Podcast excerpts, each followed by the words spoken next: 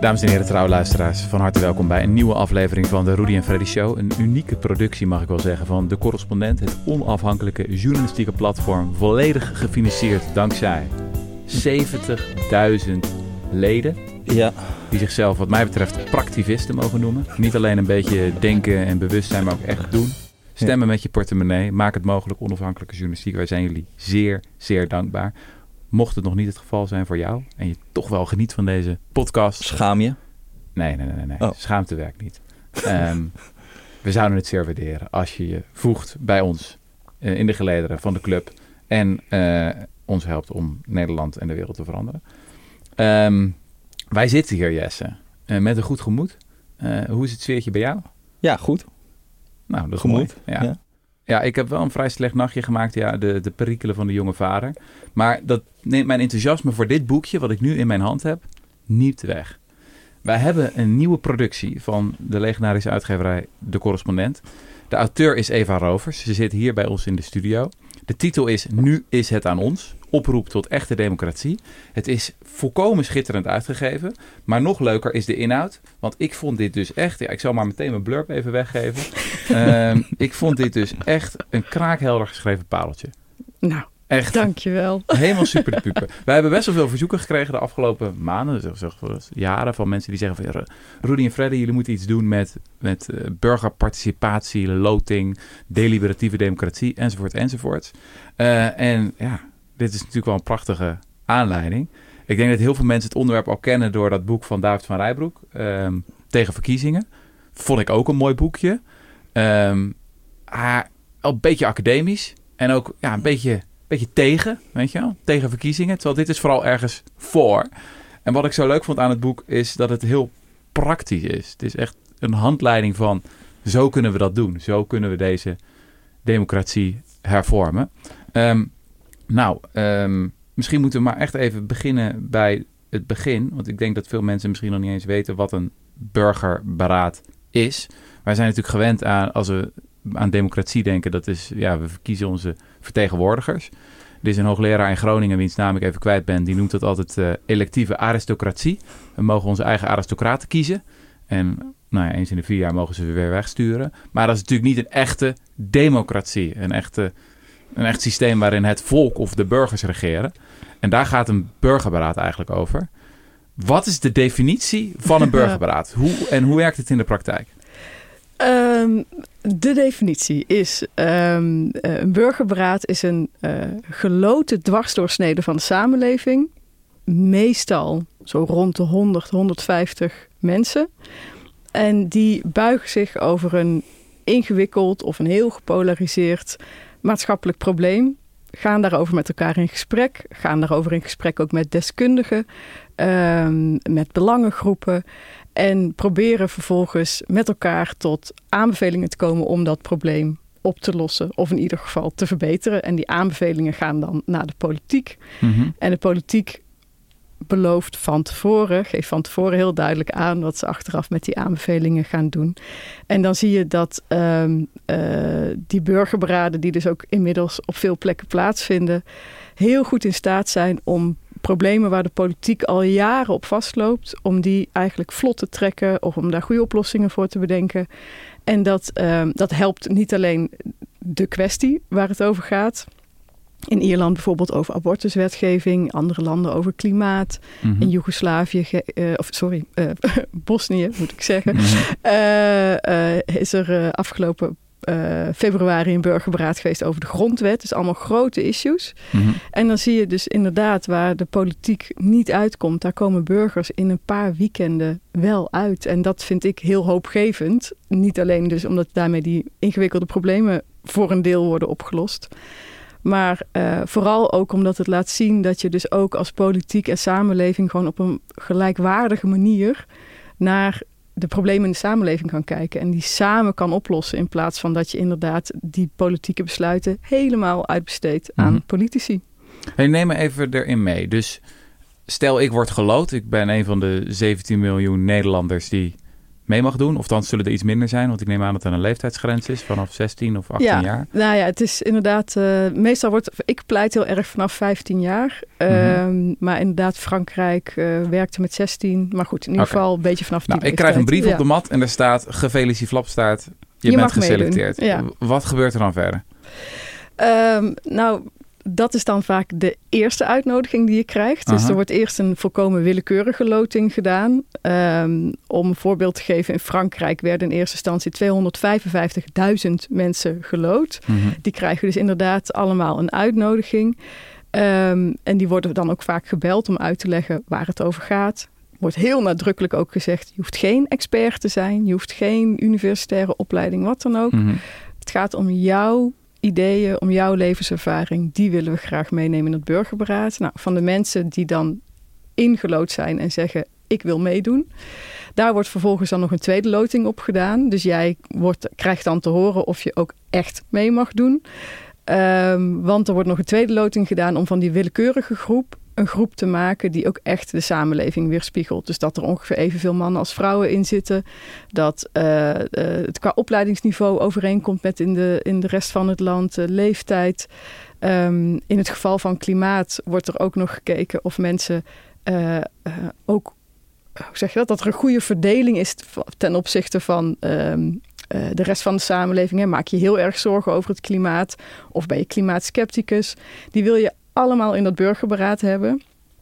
Um, dus er worden op allerlei kenmerken wordt er gelood.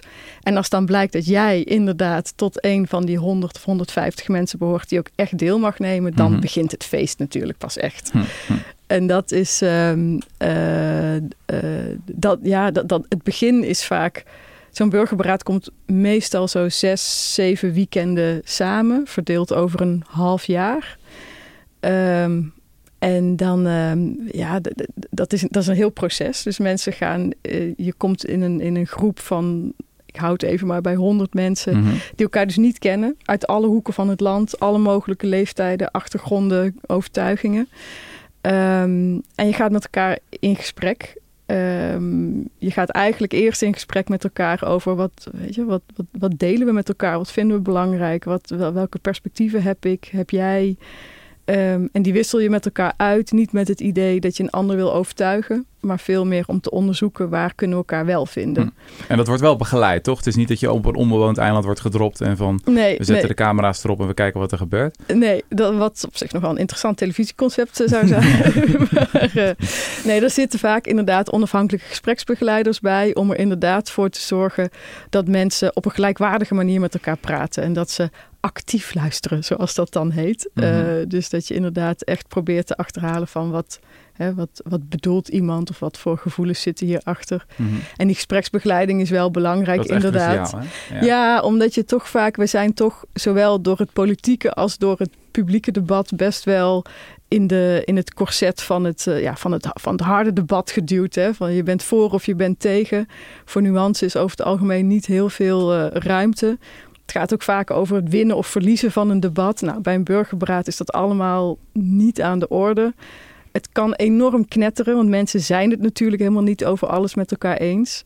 Maar het gaat er veel meer om van hoe kunnen we, ondanks al dat geknetter, toch erachter komen waar we elkaar wel vinden. Mm -hmm. Dus mensen van totaal verschillende politieke overtuigingen kunnen elkaar toch vinden op blijkt veel meer onderwerpen dan je van tevoren zou denken. Mm -hmm. Maar goed, daar zijn die gespreksbegeleiders dus wel belangrijk voor. Die bemoeien zich niet inhoudelijk met het gesprek, maar puur um, zorgen dat ook de introverte mensen aan het woord komen. Ook de mensen die niet gewend zijn om in het openbaar te spreken. En, um, en vervolgens worden er allerlei deskundigen uitgenodigd, deskundigen en belangengroepen.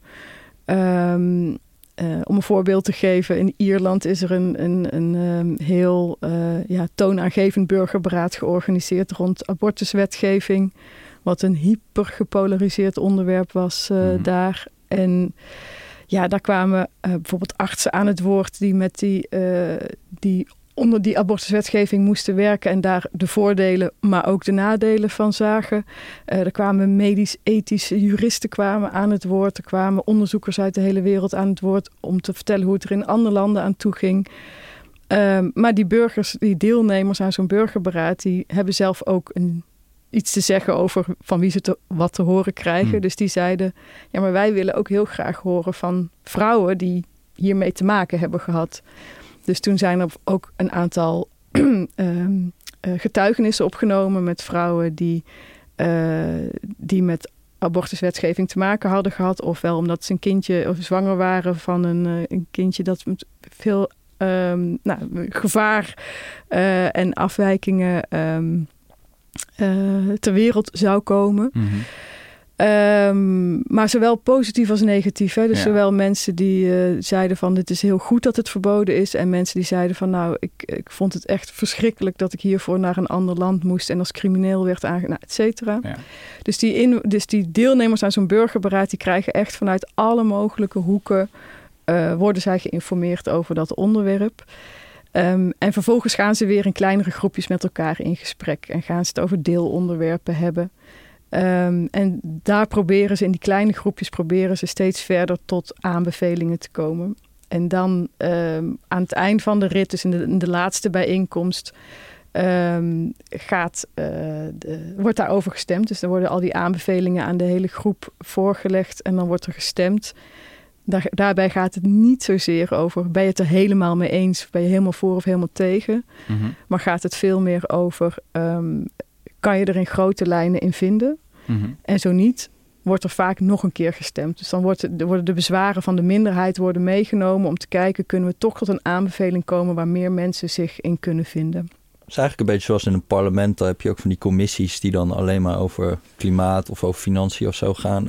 En dat zijn dan twintig mensen. En uiteindelijk wordt het plenair en wordt, het, wordt erover gestemd. Ja. Dus Ja, met, met in dit geval dat zo'n burgerberaad, iedereen praat over ieder deelonderwerp en iedereen stemt ook over ieder deelonderwerp. Dus en uiteindelijk, maar goed, het klopt maar wel. iedereen praat over ieder... de- Dus, dus, dus van het hele burgerberaad, van de honderd mensen die deelnemen, Mhm. Ehm, iedereen praat in, in, wel in kleinere groepen, maar die groepen roleren de hele tijd. Dus, dus eh, iedereen je- heeft er een keer iets over gezegd. Dan. Ja, en iedereen praat met alle andere deelnemers ook. Dus het Hm. is een. eh, het is een Kijk, je, het is heel moeilijk om met 100 mensen plenair een gesprek te Ja, ja. voeren. Dat is een recipe voor disaster. maar je kan.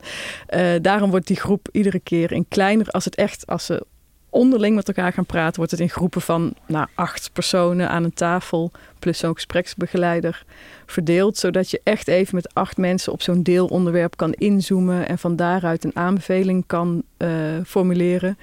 Maar na de volgende eh, informatiesessie heb je weer, zit je weer in een heel ander groepje van acht mensen. Dus Mhm. zo zorg je dat je met al die verschillende andere perspectieven die in die zaal aanwezig zijn, eh, kan uitwisselen. En, eh, en dat zorgt er dus ook voor dat er vaak aanbevelingen uitkomen die met heel veel perspectieven rekening houden. Mhm. Hm. Het is wel echt magisch wat er met een gesprek kan gebeuren als er duidelijke regels zijn. Hè? Of duidelijke afspraken van hoe we het gesprek gaan voeren. Ik was Ja. een tijdje geleden op een conferentie en ehm, daar werd van tevoren eigenlijk een lijst van afspraken doorgemaild van zo gaan we het doen. Eh, we zitten aan ronde tafels met maximaal, wat is het, zeven of acht mensen. Er is altijd een moderator. Er zijn geen eh, zijgesprekken. Dus je gaat niet met je tafelgenoot naast je een apart gesprek Ja. voeren. Er is altijd één gesprek met, met z'n allen. Ehm, het is vooral belangrijk om goede vragen te stellen, om informatie naar boven te halen. Probeer eh, non-obvious te zijn, was dan Ja, het hele tijd het ding. Zo van, ja, vertel niet wat we al Wat weten. we al snappen. En, ja. en probeer ook vooral niet, eh soort van, eh, hoe zeg je dat? Wijsneuzerig. Wijsneuzerig of te pochen met wat je allemaal weet. Ja. Maar denk van, eh, wat, hoe kunnen we allemaal wat meer te weten komen? En het was echt magisch om te merken wat er dan gebeurt op zo'n congres conferentie. Dan gaan mensen zich heel anders gedragen. Krijg je heel andere gesprekken. En iedereen is aan het, aan het eind gewoon veel blijer en enthousiaster. En dat Ja. van, wow, dit kan gewoon. Ja, ja, ja, maar het is ook, ja, je moet, je moet soms ook ervaren dat het anders kan. Hè? We zitten toch wel echt in een soort stramien van inderdaad dat hele, dat, dat eh, best wel binaire debat. Van je Mhm. bent voor of je bent, kijk naar de gemiddelde talkshowtafel. Mhm. Er wordt altijd de voor- en de tegenstander uitgenodigd. En uiteindelijk weet je als kijker, je, kom je eigenlijk geen stap verder. Weet je niks meer over het onderwerp. Terwijl ja, als je inderdaad, zoals jij beschrijft, van tevoren met elkaar afspreekt. Laten we het eens even anders doen. En laten we eens even kijken of we misschien op een andere manier dit gesprek kunnen voeren. Dan werkt dat, dan, ja, dan zie je dat inderdaad een gesprek ongelooflijk eh, iedereen naar een ander niveau kan tillen. En het mooie is ook bij burgerberaden dat die afspraken vaak ook door de deelnemers zelf worden gemaakt. Dus het is, ehm, er worden natuurlijk door zo'n, door die gespreksbegeleiders wordt wel gezegd hè, van eh, eh, probeer echt naar elkaar te luisteren, benader elkaar met respect, noem het een beetje de voor de hand liggende Mhm. regels. Maar er wordt eigenlijk bij die eerste eh, bijeenkomst wordt ook door, die, door de honderd deelnemers gezamenlijk afgesproken hoe willen wij met elkaar omgaan. Ja, ja. En ehm, ik, ik zat zo'n evaluatie van die G1000-projecten te lezen. Dat zijn ook burgerparaden, toch? Ja. Ja, vorm In van. België is dat geweest, toch? Ja, ook in Nederland. ja, ja. Ja, ja, dat is een, een beetje verwarrend. Er is in, in België is een G1000 opgericht, is de G1000 ooit opgericht door Ja. David van Rijbroek. eh, toen de België daar eh, anderhalf jaar zonder eh, regering zat. Oh ja, ja. de eh, burgers dachten van, nou, misschien moeten we ze even helpen. Ehm, en in navolging daarvan zijn in Nederland ook G1000'en georganiseerd, vooral op gemeentelijk eh, niveau. Hm.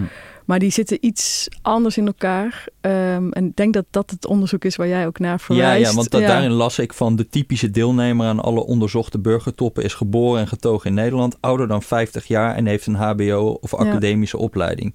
En ik moet zeggen, ik heb dan zelf niet echt ervaring met burgerberaden, maar wel met zo'n inspraakavond. En de, of dan, ja, dat was dan bij mijn voor, waar ik eerder woonde, bij de Weesperzijde. Gingen ze de straat veranderen en dan was er een inspraakavond. Ja, en daar komen eigenlijk gewoon ja, gepensioneerden.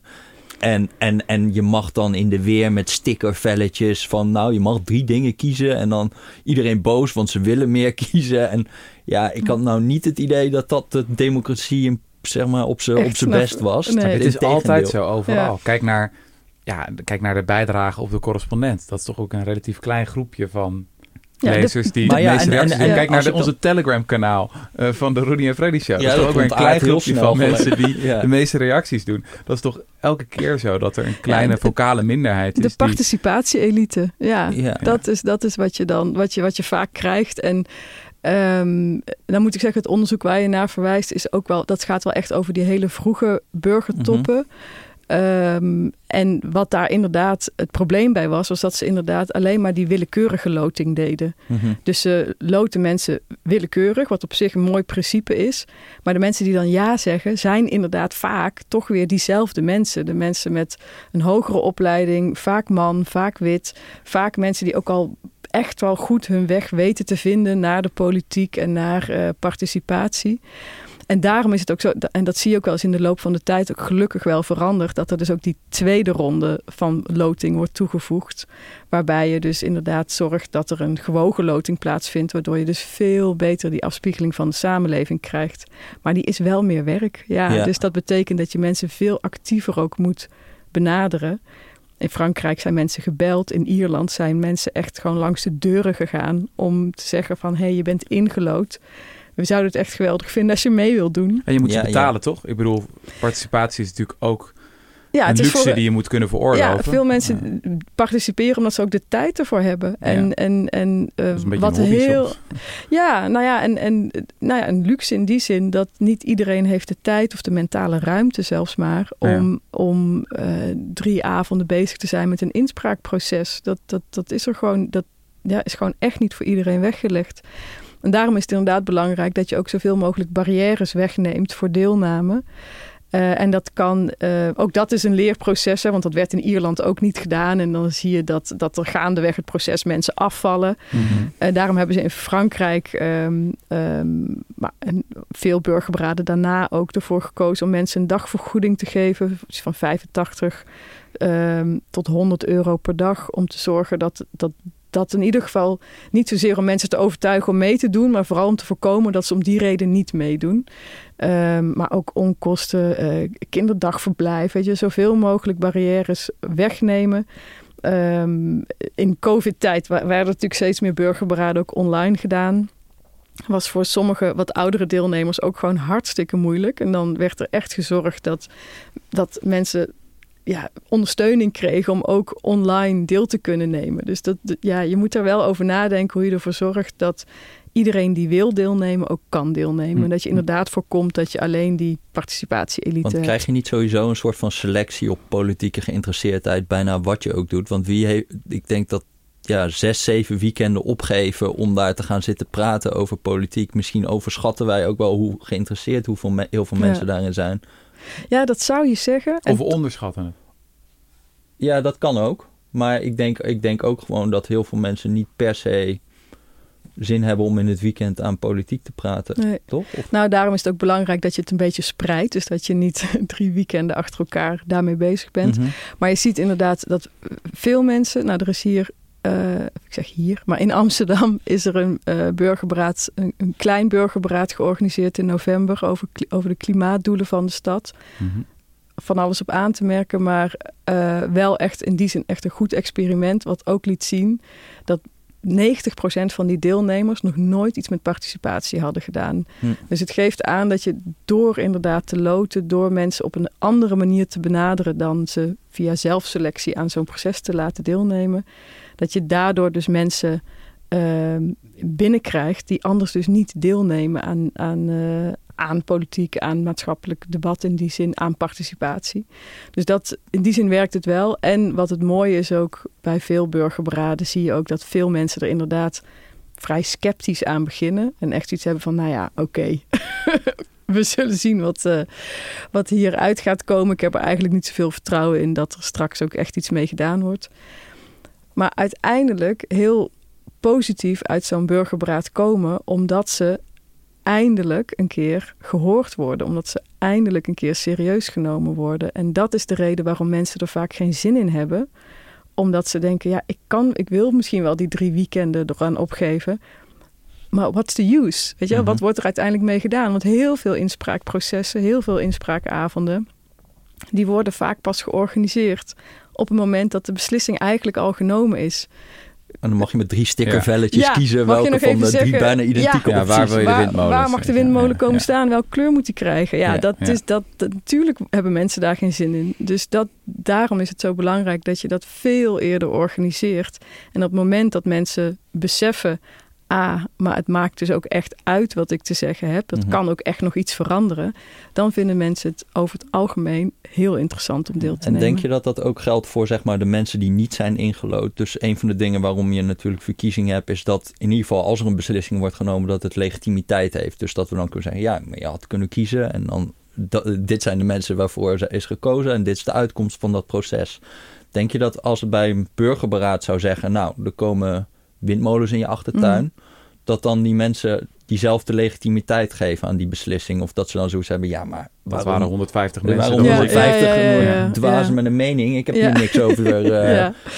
Nee, dat gevaar zit erin. En daarom is het heel belangrijk dat zo'n burgerberaad ook echt onderdeel is van de, van de hele samenleving. Dus dat het niet een of ander achterkamertje wordt. Maar dat het in verbinding staat met de rest van de samenleving. Dus dat de rest van de van in het geval van hè, de wi- windmolens, altijd een prettig voorbeeld. eh, dat de rest van zo'n wijk of gemeente ook mee kan denken en ook snapt op welke informatie men, eh, het burgerberaad zich informeert. Dus het moet heel transparant zijn. Er moet ook de ruimte zijn voor andere inwoners om input te leveren. Dus dat is wel echt heel essentieel. Het is ook daarom heel essentieel dat zo'n burgerberaad een goede afspiegeling is. Want het blijkt ook wel dat mensen, ehm, mensen zoals zij meer vertrouwen dan politici. Dus daar is die afspiegeling belangrijk voor.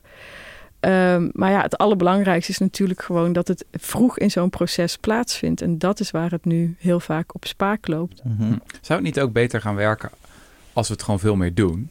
Ja, dat, vond ik, ja. dat vond ik zo bijzonder toen ik las over Porto Alegre, zo'n stad die al heel lang met, eh, in dit geval, participatief budgetteren experimenteert. Sinds, wat is het, eind jaren tachtig. Ehm, en wat, het effect wat je daar kreeg, is dat steeds meer mensen iemand kenden die mee had gedaan. Eh, en dat brengt het ook al veel dichterbij. Misschien heb je het zelf niet gedaan, maar naarmate je heel veel burgerberaden hebt over allerlei Ja. onderwerpen, Ja. ja, dan is het gewoon iets veel normaalers voor steeds meer mensen. En dan kom je op verjaardagspartijtjes, kom je wel eens iemand tegen van... ja, ik heb het wel eens gedaan, zo'n burgerberaad, kan je er wel over vertellen. En misschien dat het dan ook al weer dichterbij komt... en dat je dan het proces meer gaat vertrouwen naarmate je er meer Zoals mee juryrechtspraak in eh, Amerika. Precies, dat dan heel normaal ja. is daar. Ja. Ja, Ja, ja. en, dat, eh, en dat, dat zie je inderdaad ook. Dat op plekken waar het vaker gebeurt. En Porto Alegre is inderdaad een heel mooi voorbeeld. Maar je ziet ook in Ierland is het inmiddels ook veel vaker gedaan. Ehm, in, eh, in Duitsstalig België heb je een, een permanent burgerberaad. Wat echt als een soort derde kamer functioneert naast het parlement. En ja, dan zie je gewoon dat hoe vaker dat gebeurt, niet alleen de kans toeneemt dat je zelf ingelood wordt, maar dat het ook gewoon, het fenomeen wordt ook gewoon bekender. Dus Ja. het is ook dat mensen inderdaad zien van ah, dit, dit bestaat, er komen interessante aanbevelingen uit en het, het verandert ook echt iets. Het, Ja. het, het, eh, het wordt er beter van. Dus het absoluut, eh, het is ook een van de aanbevelingen die ik doe in het, eh, in het boek van ja, hou het niet bij één keer. Eén keer is leuk, maar één keer is een experiment. En dat, daarmee ga je niet de hele democratie veranderen. Nee. Dus doe het vaker en daarmee vergroot je ook het vertrouwen veel meer tussen ja, samenleving en politiek. Bij zo'n Iers burgerberaad, hoe werkt de media daarmee dan? Dat ben ik wel benieuwd Ja, naar. dat want zei Van lijkt- Rijbroek ook een keer. Dat Ja. media eigenlijk een beetje een hekel hebben aan Ja. deliberatieve democratie. Omdat het zo saai is. Het zijn allemaal mensen die eh, constructieve gesprekken voeren Ja. met een bakje thee. TL ligt. Ja, Ja, ja, het is ja. gewoon wel eh, constructief en aardig. En het is het tegenovergestelde van een talkshow. Ja, Dus absoluut. het is niet echt goed voor de kliks. Ja, dat is nee, dat Kan is je ook dat ook oplossen?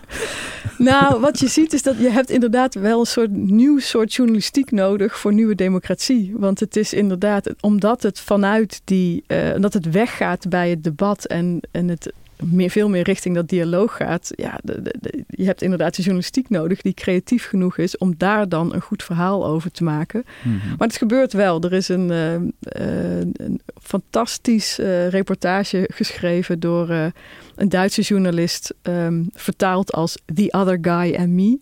En dat heeft ook de True Story Award gewonnen. En daarin worden twee mannen gevolgd in het Ierse burgerberaad, wat ging over het legalisering van het homohuwelijk. Mhm.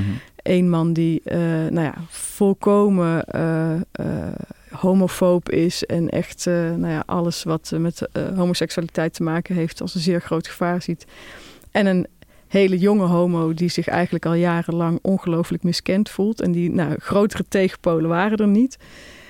En dat, dat, die reportage die laat zo goed zien hoe zij uiteindelijk eh, eigenlijk meer overeenkomsten dan verschillen hebben. En dat is, ja, je gaat helemaal mee in alle twee hun ontwikkelingen. En je snapt ook hoe ze uiteindelijk tot de aanbevelingen komen waar ze toe komen.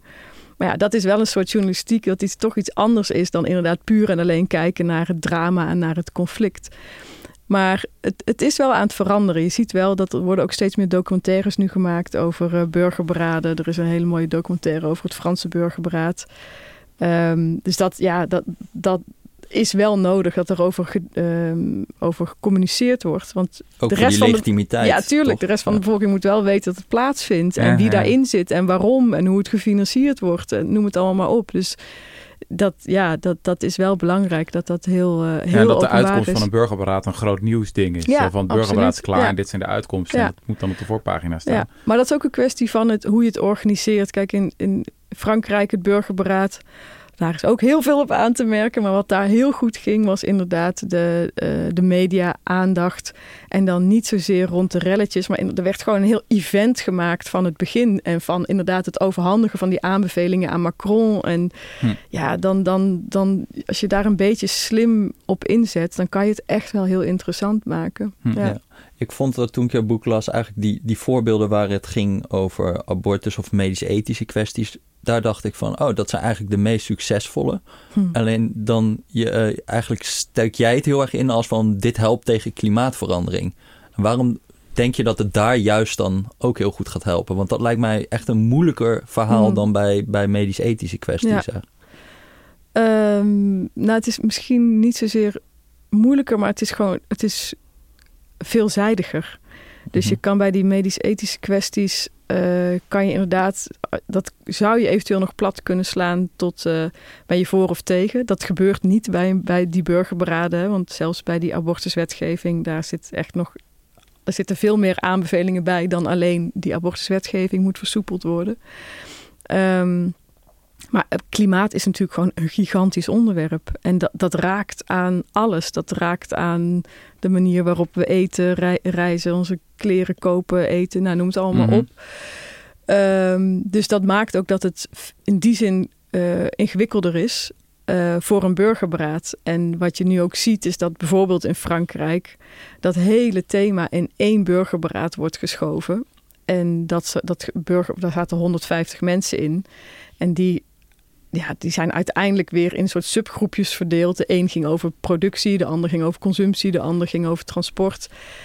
Ja, dat, en dat roleerde niet. Dus dan, Mhm. dan zie je dat er toch allemaal soort... eh, Eigenlijk ja, twintig mensen gaan over de Ja. hele landbouw. In, eh. De vraag was te groot de eigenlijk. vraag was in die Ja. zin te groot. En dan moet je inderdaad denken van ja, dan moet, je- daar moet je dus een andere vorm voor vinden. Dan moet je eigenlijk een aantal parallele burgerbraden organiseren. Ja, we, maar- we hadden het eerder in deze podcast een keer over de spanning tussen het verlangen naar participatie en democratische legitimiteit. En anderzijds gewoon de haast die we hebben. Ja, Eh, ja. Het Franse burgerberaad ging over een reductie van 40%, als ik het goed herinner. Nou, Ja. dat, dat moet al omhoog naar Ja. wat is het, 55%. ja. Dus in die zin is het alweer gedateerd. Ja. Eh, voor 2030 heb ik het dan over. Ehm, ja, en die burgerberaden, dat kost tijd. Je bent zo'n een, een half jaar bezig. Of de voorbereiding zou ook nog tijd kosten. En ondertussen tikt de klok. Ja. Eh, er worden eh, noodtoestanden voor klimaat uitgeroepen op allerlei plekken. ja. Ehm, ik, ik vind het heel moeilijk om die spanning te verenigen. Tussen enerzijds ja, echt haast hebben en knopen doorhakken en gaan, gaan, gaan. En anderzijds, ja, maar we willen wel iedereen aan boord houden. Kan dat Ja. echt? Soms heb ik het gevoel dat dat inderdaad de links-progressieve droom is. We Mhm. willen het heel graag, dat er synergie is tussen die twee dingen. Maar moeten we niet ook gewoon erkennen dat er soms een afruil bestaat en dat we niet alles kunnen? Dat we soms wat democratie moeten opofferen om dan maar haast te maken op het klimaatvraagstuk? Nou, als je zou zeggen van eh, ik, ik kan heel veel ondemocratische voorbeelden geven waarbij klimaatbeleid echt een enorme eh, boost heeft gekregen, dan zou het nog kunnen, maar dat is gewoon niet het geval. Ehm, het, het, blijkt ook uit onderzoek hoe democratischer, hoe meer klimaatbeleid. Ehm, dus de- de beste, eh, het beste medicijn lijkt dus inderdaad niet minder democratie, maar echt meer democratie. En het versnelt ook, want het is, kijk, de politiek weet al meer dan 40 jaar dat klimaatverandering bestaat. Weet ook Mhm. al meer dan 40 jaar wat daartegen gedaan moet worden. Dat is, dat is echt eigenlijk eh, common knowledge al heel erg lang. En toch slagen opeenvolgende regeringen er niet in om adequaat klimaatbeleid te ontwikkelen. Al meer dan 40 jaar niet. Terwijl alle feiten, alle gegevens, alle wetenschap, het is, het is klip en klaar. Zelfs ook bevestigd door de fossiele industrie. Dus het, het is niet zo dat er. Eigenlijk is er helemaal geen twijfel. We weten ongelooflijk goed wat we moeten doen en hoe ongelooflijk noodzakelijk het is. Ehm, maar het gebeurt niet. En het gebeurt niet omdat politici toch eh, geneigd zijn om eh, naar de korte termijn te kijken, bang zijn voor zetelverlies, bang zijn voor de volgende verkiezingen. Eh, er ook nog steeds een ongelooflijk flinke lobby is vanuit de fossiele industrie. Dus dat, dat is precies wat het allemaal zo stroperig en zo langzaam maakt. Terwijl tegenover die 40 jaar eh, halfslachtig klimaatbeleid staat een burgerberaad wat in een half jaar tijd tot adequate maatregelen kan komen. Het burgerberaad in Frankrijk had als opdracht inderdaad die 40% reductie.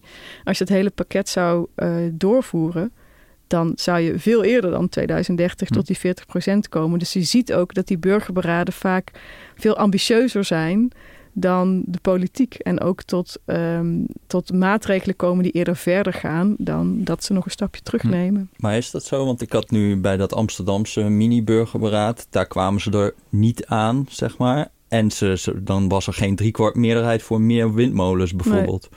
Eh, en ja, dan, ik kreeg daar toch ook een beetje de indruk dat het veel not in my backyard-achtige tafereelen waren van ja, we willen gewoon toeristen belasten en, eh, en we willen 25% groen bij elk bouwproject Mm. en zo, waarvan ik dan ook wel weer denk, ja, ik weet niet of ik dit dan toevertrouw aan een soort van leken.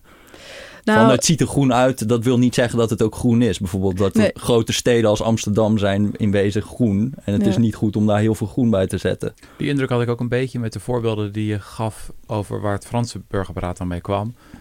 Veel oplossingen waar je niet echt tegen kan zijn. Zo van meer onderwijs over klimaatverandering. Ja, top, weet je wel. Eh, winkels moeten niet een lichten aan laten staan, s'nachts. Zo van, nee, ja, prima. maar ook het verlagen van de minimumsnelheid naar 110 km per uur. Ja. Ja. maar dat is ook natuurlijk qua megatonnen marginaal. Maar het is wel vrij, het is wel effectief. En ook iets wat, wat ze wel hadden was eh, het invoeren van dividendbelasting. Om daarmee ook eh, die maatregelen te financieren. Hm. Het schrappen van binnenlandse vluchten. Ja, er, er zat van alles in. Dat ging ook over het verplicht isoleren van huurwoningen. Dus dat Hm. verhuurders echt verplicht zijn om op korte termijn alle huurwoningen, en dat is echt gigantisch in Frankrijk, Mhm. eh, Mhm. te verduurzamen. Dus daar zit van alles in. Het gaat inderdaad van, van heel eh, klein en bijna individueel naar de grote, eh, meer integrale eh, systemische veranderingen. Maar om terug te komen op het Amsterdamse burgerberaad. Ja, nogmaals, het was, ik vond het een, een goed experiment in de zin van dat de gemeente het überhaupt aandurfde om een burgerberaad te organiseren over die klimaatdoelen. Ehm, en gewoon ook heeft gedacht van nou laten we dit gewoon eens proberen. Kijken hoe dat gaat, waar we tegenaan lopen en hoe het beter kan. Dus het is een, het is een, een stap op weg naar betere burgerberaden. En een van de grootste lessen, denk ik, van dat Am- Amsterdamse burgerberaad is dat je dat niet in twee weken moet willen doen. Mhm. Dat is gewoon veel te kort. En dat, dat zie je ook aan de, aan de reacties van de deelnemers. Die kwamen pas net op gang. Dus die, ja, er zitten nu, die aanbevelingen zijn leuk en interessant voor wat er na twee weken uit kan komen. Maar die hadden natuurlijk veel meer tijd moeten hebben, ook tussen de sessies in, om dingen te laten eh, bezinken, om dingen te laten doorrekenen, om te zien. In die zin moesten ze een beetje blind varen. Eh, omdat er geen tijd was om te kijken wat is nou echt het, de, eh, het effect van die maatregelen die we voorstellen. En dat hoort er natuurlijk wel heel erg bij. Mhm. Dus de les daar is goed experiment, maar neem de volgende keer echt veel meer tijd, zodat je inderdaad die voorstellen veel meer kan doorontwikkelen. Ja, maar het voelt een beetje een gevaar dat we dan gaan denken van ja, als ze niet de uitkomst geven die wij willen, dat we dan zeggen ja, het is nog niet goed genoeg gedaan. Nee, maar Toch? dit ging niet over wat we niet willen. Dit was gewoon, dit, wa- dit was gewoon voorstellen die gewoon nog niet goed doorgerekend waren. En dus, Ja. dus, dus dat heeft is meer een soort praktisch eh, bezwaar. Ehm, eh, ja, nee, dus dat, dat, heeft echt, dat heeft wel echt met die tijd te maken. Is er wel eens een burgerberaad geweest dat eh, tot een uitkomst kwam die ons soort mensen een beetje onaangenaam zou vinden? Zo van, burgerberaad, we hebben er lang over gepraat, Ja, eh, zeven weekenden lang. En we zeggen, nou ja, minder buitenlanders. eh, Gebeurt dat ook wel eens? Die, eh, die specifiek ben ik nog niet tegengekomen, maar er, er zijn wel burgerberaden bijvoorbeeld over, over de bouw van ehm, eh, kerncentrales. En waarvan dan inderdaad wordt gezegd, nou hartstikke goed idee. In Korea heeft, heeft dat plaatsgevonden. Hm. Ehm, en ja, dat, dat kan. Dat, Hm. eh, nee, absoluut. Wij zijn overigens wel pro-kerncentrale. denk ik. nou ja, dan eh, hebben jullie daar weer, eh, hebben daar weer mazzel mee. Dus, Ja. eh, nee, dus het is, je weet van tevoren niet wat eruit gaat komen. En, en het, eh, maar wat wel blijkt is dat er vaak oplossingen uitkomen die, ehm, die wat minder eenvormig zijn. Die dus met veel meer perspectieven en met Mhm. veel meer, ehm, vooral ook de lange termijn rekening houden. En dat, ja, dat staat gewoon nogal haaks op de oplossingen die we vaak nu eh, ofwel uit de politiek ofwel uit eh, opiniëren Nederland zien Ja. komen. Dus het is, ja, om nou te zeggen van er, komen echt hele gekke eh, eh, aanbevelingen uit, dat niet. Het, is, het wordt vaak ook gewoon wel gedragen door een groot deel van de samenleving. Dus het is kennelijk, zijn er toch vaak ehm, aanbevelingen waar een groot deel van de samenleving zich in kan vinden. Hm. Dus dat is niet een bepaalde niche of zo. In Frankrijk ook de- van de aanbevelingen. Ik geloof dat meer dan 70% van de Fransen zich in de aanbevelingen kon vinden. Ja, dan kan je het niet meer hebben over een Alleen die maximumsnelheid, toch? ja, die maximumsnelheid, daar Ja. die zag ze inderdaad niet zitten. Maar de overige, wat is het, 148 aanbevelingen, daar, eh, daar kon dus 70% van de Fransen zich in vinden. Dus dat, ja, dat, dan heb je het niet meer over een, een kleine niche van Hm. mensen. Wat mij lastig lijkt bij klimaatbeleid, of dat ben ik dan zelf ook wel steeds meer achtergekomen. Elke zeg maar vraag die je, of de, dus, dus als je bijvoorbeeld zegt, ik wil ehm, energieconsumptie verminderen. Dat was ook een van de aanbevelingen volgens mij van dat burgerberaad. Dat roept gelijk nog duizend vragen op Ja, over elk product, van stofzuigers tot wasmachines, tot allerlei technische vragen die daar weer onder hangen. En daaronder liggen ook weer vragen en daaronder Ja. liggen ook weer vragen. En dat lijkt mij toch bijna anders dan medisch-ethische kwesties. Dat, je, dat ik op een ik had een beetje gelezen van dat Franse burgerberaad. En dan denk ik een heleboel dingen waar ik het op zich mee eens zijn. Maar die meteen nog honderd vragen Ja. oproepen. En wie gaat dat dan weer doen? Moet daar ook weer een burgerberaad voor? Of is dat aan anderen? Van, dan stond er van ehm, het strafbaar stellen van ecocide bijvoorbeeld. Dat is dan een van de dingen die zij willen. Dan denk ik, wat is ecocide? Dat, eh, het verbieden van reclame voor vervuilende producten. Wat is een vervuilend product? Dwing huiseigenaren tot renovaties. Wat zijn renovaties? Wanneer is het niet een, eh, energiezuinig? Op welke termijn moet dat dan gebeuren? Ja. Eh, en- ja, en maar je? Dus- citeert nu uit mijn boek en ik som dit even heel snel Nee, nee, op. maar een- die, maar die aanbevelingen die zijn wel wat uitgebreider Nee, dan die, dat. heb ik, hè? die heb ik gekeken. Ja, Eh, en er zijn soms, het is heel wisselend. Want ik vond soms dacht ik, wow, dit is bizar concreet. Van Ja. inderdaad 110 kilometer. Maar dan lijkt er een andere commissie te zijn geweest die iets, die het gewoon heel generiek en algemeen heeft gehouden.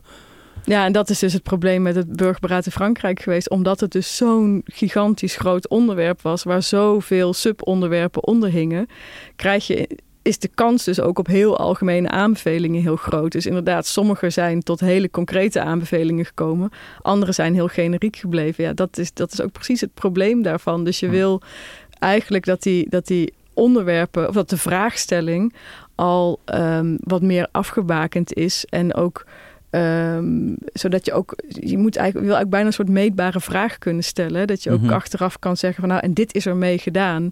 Dus in die zin is dat ook wel een les. Ehm, en dat zie je wel bij de andere burgerberaden. Bijvoorbeeld in Schotland heeft later plaatsgevonden. Dan zie je ook wel dat, dat, dat daar ook echt van geleerd is. Van, oh ja, we moeten dus inderdaad die vragen veel meer eh, afbakenen. En zorgen dat één burgerberaad ook echt tot concrete aanbevelingen voor dit onderwerp kan komen. En niet inderdaad, ja, en meer onderwijs en meer, weet je, dat, dat, dat Mhm. wil je niet. Ehm, en het heeft ook te maken met, ehm, met de voorwaarden die je stelt. Dus dat je bijvoorbeeld zegt van nou, het moet wel binnen bepaalde financiële kaders bijvoorbeeld passen. Dat, dat helpt allemaal om te zorgen dat die aanbevelingen zo concreet mogelijk worden. Ja. Ja. want dat was nog een indruk die ik kreeg, is dat er heel erg veel door zo'n burgerberaad wordt gezegd om geld uit te geven.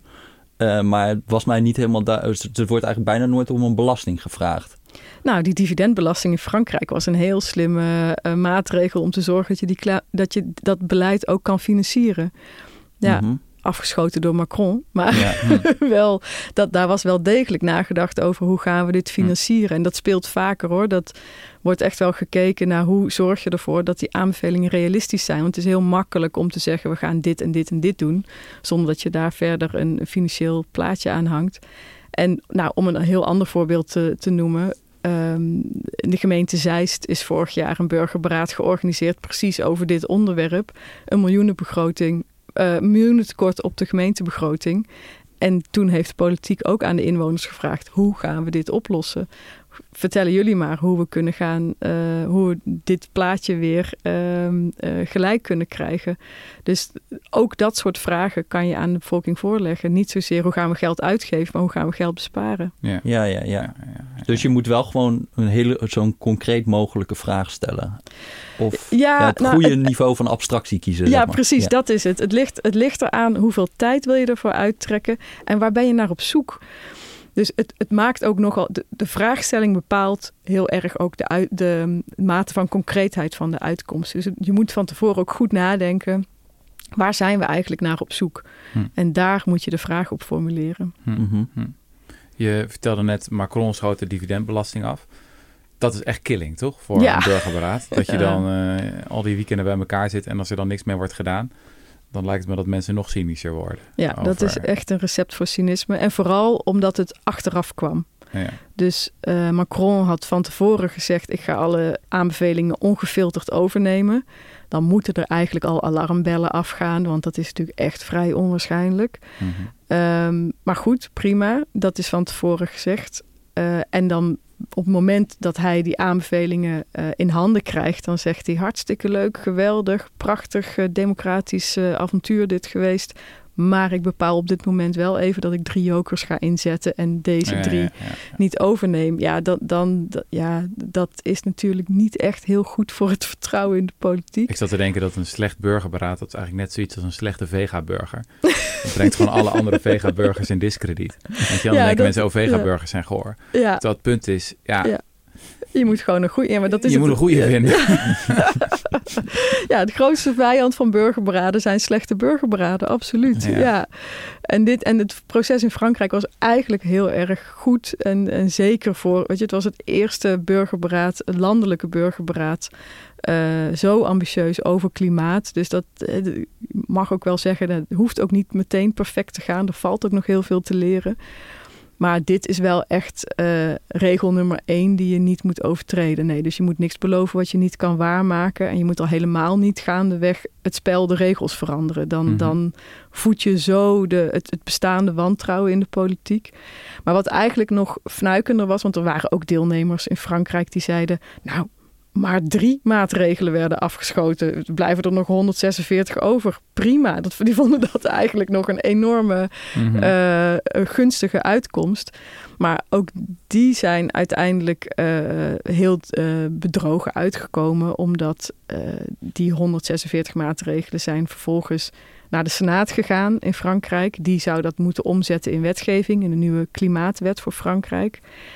Ja, en daar is het eigenlijk pas echt misgegaan. Daar is, eh, is eh 85% van die, ehm, eh, van die aanbevelingen is ofwel afgezwakt of gewoon helemaal terzijde geschoven. En iets van 15 aanbevelingen zijn echt in die klimaatwet terechtgekomen. Hm. En dat heeft pas echt kwaad bloed gezet. Dus dan, dan, dan heb je hetzelfde wat je inderdaad bij andere participatieprojecten ziet. Dat er de schijn van zeggenschap is. Mhm. Maar dat blijkt achteraf toch eh, vrij minimaal te zijn. Ja, dan moet je het gewoon niet doen. Dat, Nee. eh, als je, je moet, wat, wat daar de grote les was. Macron had gewoon van tevoren die opdracht niet zelf moeten geven als president, maar gewoon samen met het parlement. Dus je moet zorgen dat de, de, de instantie die die aanbevelingen ook gaat omzetten in wetgeving, dat die ook van tevoren betrokken is en zich kan vinden in de vraag en zich kan Mhm. vinden in, Mhm. in de opdracht die gegeven Mhm. wordt. Macron had eigenlijk de macht niet om. Niet om die belofte van, te doen. nee. Nee, nee, nee. En nou zou zoiets in Nederland niet zo snel voorkomen, want dat presidentiële stelsel in Frankrijk is natuurlijk echt wel wat anders dan wat wij hier hebben. Maar het is in die zin wel een les eh, dat, je het, dat, ja, dat je moet zorgen dat de, de, de wetgevende macht op een, op een goede manier achter dat burgerberaad staat en inderdaad ook echt betrokken is bij, ehm, eh, bij die opdracht en zorgen dat daar het van tevoren, hè, niet tijdens, maar van Mhm. tevoren betrokken is, zodat echt van tevoren duidelijk is ehm, op wat voor manier daar na- achteraf ehm, Mhm. met die aanbevelingen aan de slag wordt gegaan. En stel nou dat we in Nederland een burgerberaad zouden organiseren. Wat zou dan de vraagstelling zijn, wat jou betreft? Ja, ja, ja, nou ja, dat, dat, kan, dat kan echt van alles zijn. Ik zou het inderdaad heel belangrijk vinden om rond klimaat eh, een burgerberaad te organiseren. Eh, rond biodiversiteit ook. Ik bedoel, dat zijn denk ik wel twee hele grote crisis waar we mee zitten en waar de politiek echt niet in slaagt om daar eh, eh, de noodzakelijke maatregelen te nemen. Ehm, maar dan zou ik inderdaad zeggen, organiseer er niet één, maar een aantal. Want dat, dat zijn beide thema's die gewoon heel groot zijn. En die ook, wat je zelf net ook al aangaf, eh, gaandeweg de tijd ook veranderen. Dus je moet kunnen bijsturen. Je kan nu aanbevelingen doen. En het kan zijn dat over drie jaar blijkt dat eh, inderdaad de, de re- reductie van CO2 nog veel, veel groter moet zijn. Dus je moet ook ruimte inbouwen om te zeggen, nou, het burgerberaad vindt nu plaats. Maar eh, misschien dat er over, over een jaar een tweede burgerberaad nodig is. Of misschien al wel eerder. Mhm. En ook rond verschillende onderwerpen. Het, het, is, het, het moet het niet zien als iets eenmaligs, maar iets wat echt permanent aan de democratische besluitvorming wordt toegevoegd. Mhm. En dan lukt het denk ik ook veel meer om zelfs die hele grote onderwerpen op een democratische manier aan te pakken. Ja, Ik had nog een vraag over de rol van referenda. Je schrijft over dat in Ierland er ook nog een referendum kwam, toch? Ja. Na Ja, de, ja. het burgerberaad over abortuswetgeving. En dat soort van, nou, ja, dat gaf de ultieme legitimiteit. Burgerberaad plus referendum en dan wordt de wet veranderd. Ja. Ehm, ik, ik begreep dat niet helemaal, moet ik zeggen. ik vind het soms opmerkelijk dat het enthousiasme voor referenda, dat vind je vaak aan de rechterkant van de politiek. Dus klassiek voorbeeld, eh, ik bedoel, Baudet is al, al jaren heel enthousiast over referenda. Eigenlijk sinds hij zich manifesteert als opiniemaker. Dat hij, laten we het doen zoals Zwitserland, waar je heel Ja. veel referenda hebt. Laat het volk gewoon beslissen. Dan zeggen mensen als eh, Van Rijbroek, die had eh, de, de one-liner van een, een referendum is mensen vragen wat ze vinden of wat ze denken op het moment dat ze niet denken. Dus daarom moet je zo'n burgerberaad hebben. Laat ze eerst in gesprek gaan met elkaar. Mm. Laat ze toegang hebben tot experts. Maar dan snap ik niet helemaal waarom je na het burgerberaad ook nog een referendum doet. Nou ja, eh, twee dingen. In Ierland moest dat, want in Ierland is een referendum verplicht op het moment dat er een grondwetswijziging gaat plaatsvinden. Dus Huh. eh, abortuswetgeving zat in de grondwet. Dus burgerberaad of niet, er moest een referendum plaatsvinden. Hm. Wat interessant was, in Ierland was dat er al eerder referenda hadden plaatsgevonden over abortuswetgeving. En dat die totaal uh, in die zin mislukt zijn dat er, dat nog steeds geen besluit gemaakt kon worden. En dat het de polarisatie alleen nog maar verder verdiepte. Op het moment dat er dus een burgerberaad werd georganiseerd en er op die manier ook een echt een maatschappelijk uh, dialoog ontstond over dat hele over dat onderwerp zag je dat het referendum daarna ook niet zo polariseerde. Dus dat, hmm. het, die, dat eh, maatschappelijke gesprek heeft kunnen plaatsvinden dankzij dat burgerberaad. Omdat het ook zo transparant was. Omdat alle bijeenkomsten gelivestreamd werden. Omdat mensen gewoon die niet in het burgerberaad zaten, toch konden meeleren, meedenken. Hmm. Um, en dat, dat maakt heel erg veel uit. Ik ben um, in die zin, kijk, bij referenda het probleem is vaak dat het inderdaad een onderwerp plat slaat tot een voor-tegen uh, vraag. En dat zorgt ervoor dat het polariseert, wat het onderwerp ook is. Nog los van het feit dat de meeste onderwerpen zich niet laten platslaan tot zo'n simpele voor-tegenvraag. Dat, is, mhm. dat doet gewoon geen recht aan het onderwerp. Dus ik zou ook absoluut niet voor een klassiek referendum zijn na afloop van een burgerberaad. Maar ik kan me wel voorstellen dat rond bepaalde thema's, ook niet altijd, maar rond bepaalde thema's, je wel een meerkeuzereferendum zou kunnen organiseren of een preferendum. En een meerkeuzereferendum betekent niet bent u voor of bent u tegen, maar bijvoorbeeld vijf verschillende opties. Mm Voorkomt een hoop polarisatie. Um, en een preferendum is, dan laat, laat je mensen de uitkomsten op volgorde van hun voorkeur zetten. Mhm.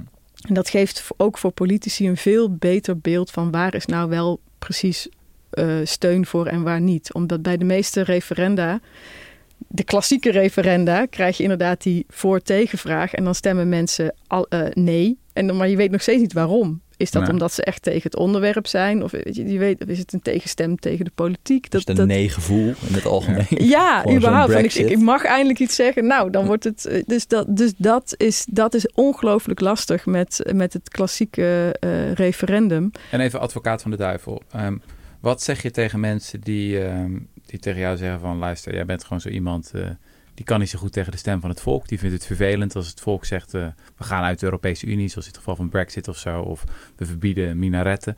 Uh, dus nee, we gaan een heel ingewikkeld proces verzinnen, zodat de stem van het volk een beetje geboetseerd wordt. en dat ze luisteren naar door ons geselecteerde deskundigen, zodat ze weten wat de juiste mening is. Uh, ja. die ze moeten, ja, die ze nou moeten ja, Dat is niet het geval, want het is niet door ons geselecteerde deskundigen. Die deskundigen, die, uh, de sprekers bij een burgerberaad, uh, dat zijn overigens uh, wetenschappers, maar ook belangengroepen. Mm -hmm. um, die worden door een onafhankelijke organisatie geselecteerd. Um, er wordt heel zorgvuldig gekeken dat alle perspectieven aan bod komen, voor, tegen en alles wat ertussenin zit. Um, en wat ik eerder al zei, deelnemers krijgen ook, hebben echt de zeggenschap om zelf ook uh, deskundigen of uh, experts of belangengroepen aan te dragen. Hm. Dus het is echt niet zo dat ze, dat ze uh, volgestopt worden met informatie waar ze niet om gevraagd hebben. Dat is, hm. Het is heel erg. Er, er, zit een groot zeggenschap vanuit de deelnemers zelf. En uh, wat ook heel vaak wordt gedaan, is dat er een soort van tevoren een soort open oproep wordt gedaan naar de samenleving. Hey, we gaan een burgerberaad organiseren over, noem eens wat, uh, hoe zorgen we dat, uh, dat we de, de industrie kunnen verduurzamen kom maar op met uw ideeën en hmm. standpunten. En dat je echt een soort open call organiseert, waarin zowel inwoners als belangengroepen, als noem het allemaal op, hun uh, ideeën en hun suggesties uh, kunnen indienen. En daar wordt dan vaak door dat burgerberaad ook weer gebruik van gemaakt. Daar worden dan weer deskundigen uitgevraagd. Dus er zijn heel veel um, um, manieren om, te, om ervoor te zorgen dat die informatie zo open, transparant en divers mogelijk is. Dat boek heet toch Democratie voor Realisten, waar je het laatst over had ja. Waarin de auteurs betogen dat heel veel burgers eigenlijk niet echt een mening hebben op heel veel thema's. Maar dat we meer kijken van wat vindt ons soort mensen ervan? Oké, dan stemmen we dat. Hmm. Dat kan ik me ook voorstellen in zo'n burgerberaad. Dat, dat je misschien verwacht dat mensen komen met hele sterke ideeën. Bijvoorbeeld uh, klimaatverandering, dat is onzin. of is het in de praktijk dat mensen gewoon komen, ja, dat uh, weet ik nog niet zo. laten we eens uitzoeken. Wat, wat, je, wat ik interessant vind bij burgerberaden is dat er altijd ehm, in ieder geval, dat, mensen zijn het nooit altijd met elkaar eens. Dus mensen hebben altijd wel een, een mening, een idee. Alleen in die burgerberaden is er veel meer ruimte om die mening ook aan te passen. Hm. En om inderdaad te luisteren naar andere mensen en te leren van, oh wacht, zo kan je er ook tegen aankijken. En dat um, wil niet zeggen dat ze uh, eh, 180 graden van mening veranderen. Maar het kan er wel voor zorgen dat, het, uh, dat je dus inderdaad veel meer tot elkaar kan komen. En van daaruit ook veel beter naar oplossingen kan uh, zoeken. en wat ik er juist zo mooi aan vind, is dat mensen vanuit totaal verschillende politieke of culturele achtergronden uh, aan tafel zitten, die toch blijkbaar veel overeenkomsten onderling kunnen vinden. En we zijn zo ja, gewend geraakt om te denken in, in die hokjes. Hè, van als je op dit, dit punt op het politieke spectrum zit, nou, dan kan je het nooit eens zijn met personen aan de andere kant. Dat is gewoon niet waar. Dat hmm. is. Uh, over inhoud zijn mensen ook veel minder gepolariseerd dan over partijen. Zeg absoluut. Maar. Dat is ja. altijd. Dus ik kan me juist voorstellen dat, eh, zo'n, dat het voor, voor zo'n, zo'n deliberatieve democratie daarvoor juist helpt. Dat je het over de inhoud gaat hebben en niet over wat vind ik van Sigrid Kaag ten opzichte dat is, van Dat is fascinerend daar. Inhoud is depolariserend. Dat denk ik wel, ja. Dat, dat, dat, dat blijkt wel. En je ziet ook wel dat mensen, en dat vind ik ook heel erg mooi en hoopgevend eraan. Want weet je, het nieuws staat natuurlijk altijd vol met de boze burger. Um, maar dat je ziet dat achter die boosheid, daar zit eigenlijk heel veel betrokkenheid. En die laat je naar voren komen in zo'n burgerberaad. En dan zie je dat mensen heel erg bereid zijn om echt constructief mee te denken. Om echt na te denken, wat is niet zozeer het beste voor mij, maar wat is het beste voor de samenleving. En dat, mhm. ja, we, we, vergeten gewoon af en toe dat dat echt is wat mensen drijft. En waarom ze zo'n proces ook heel erg uh, als heel positief ervaren. Omdat ze gevraagd wordt om op een constructieve manier mee te denken over wat, ja, wat er goed is voor een, voor een land. Hm. En dan blijkt ook dat ze prima in staat zijn om ook uh, voorstellen te doen die tegen hun eigen belangen ingaan. Dus inderdaad, uh, verhogen van belasting op vliegtickets hm. of wat dan ook. Dat, uh, dan blijkt dat mensen ook veel heel goed in staat zijn om naar de lange termijn te kijken. De, de, voor, de belangen van toekomstige generaties mee te nemen. Ja, ik denk dat we dat toch wel heel erg nodig hebben op dit hm. moment. Hm. Ja. Hey, tot slot. Ehm, je schrijft terecht, denk ik, dat het helaas te laat is om als Nederland nog een gidsland te zijn op dit uh, dossier. want we lopen gewoon hartstikke achter. Er gebeurt van alles in het buitenland. Allerlei experimenten, experimenten burger, beraden over de hele wereld. In Nederland lopen we nog een beetje achter. Maar schets eens de utopie. Uh, Nederland 2050. We hebben onze democratie radicaal hervormd. Hoe ziet het er dan uit? Uh, dan hebben we um, een, uh, nog steeds een Eerste Kamer, maar die bestaat geheel uit uh, geloten burgers.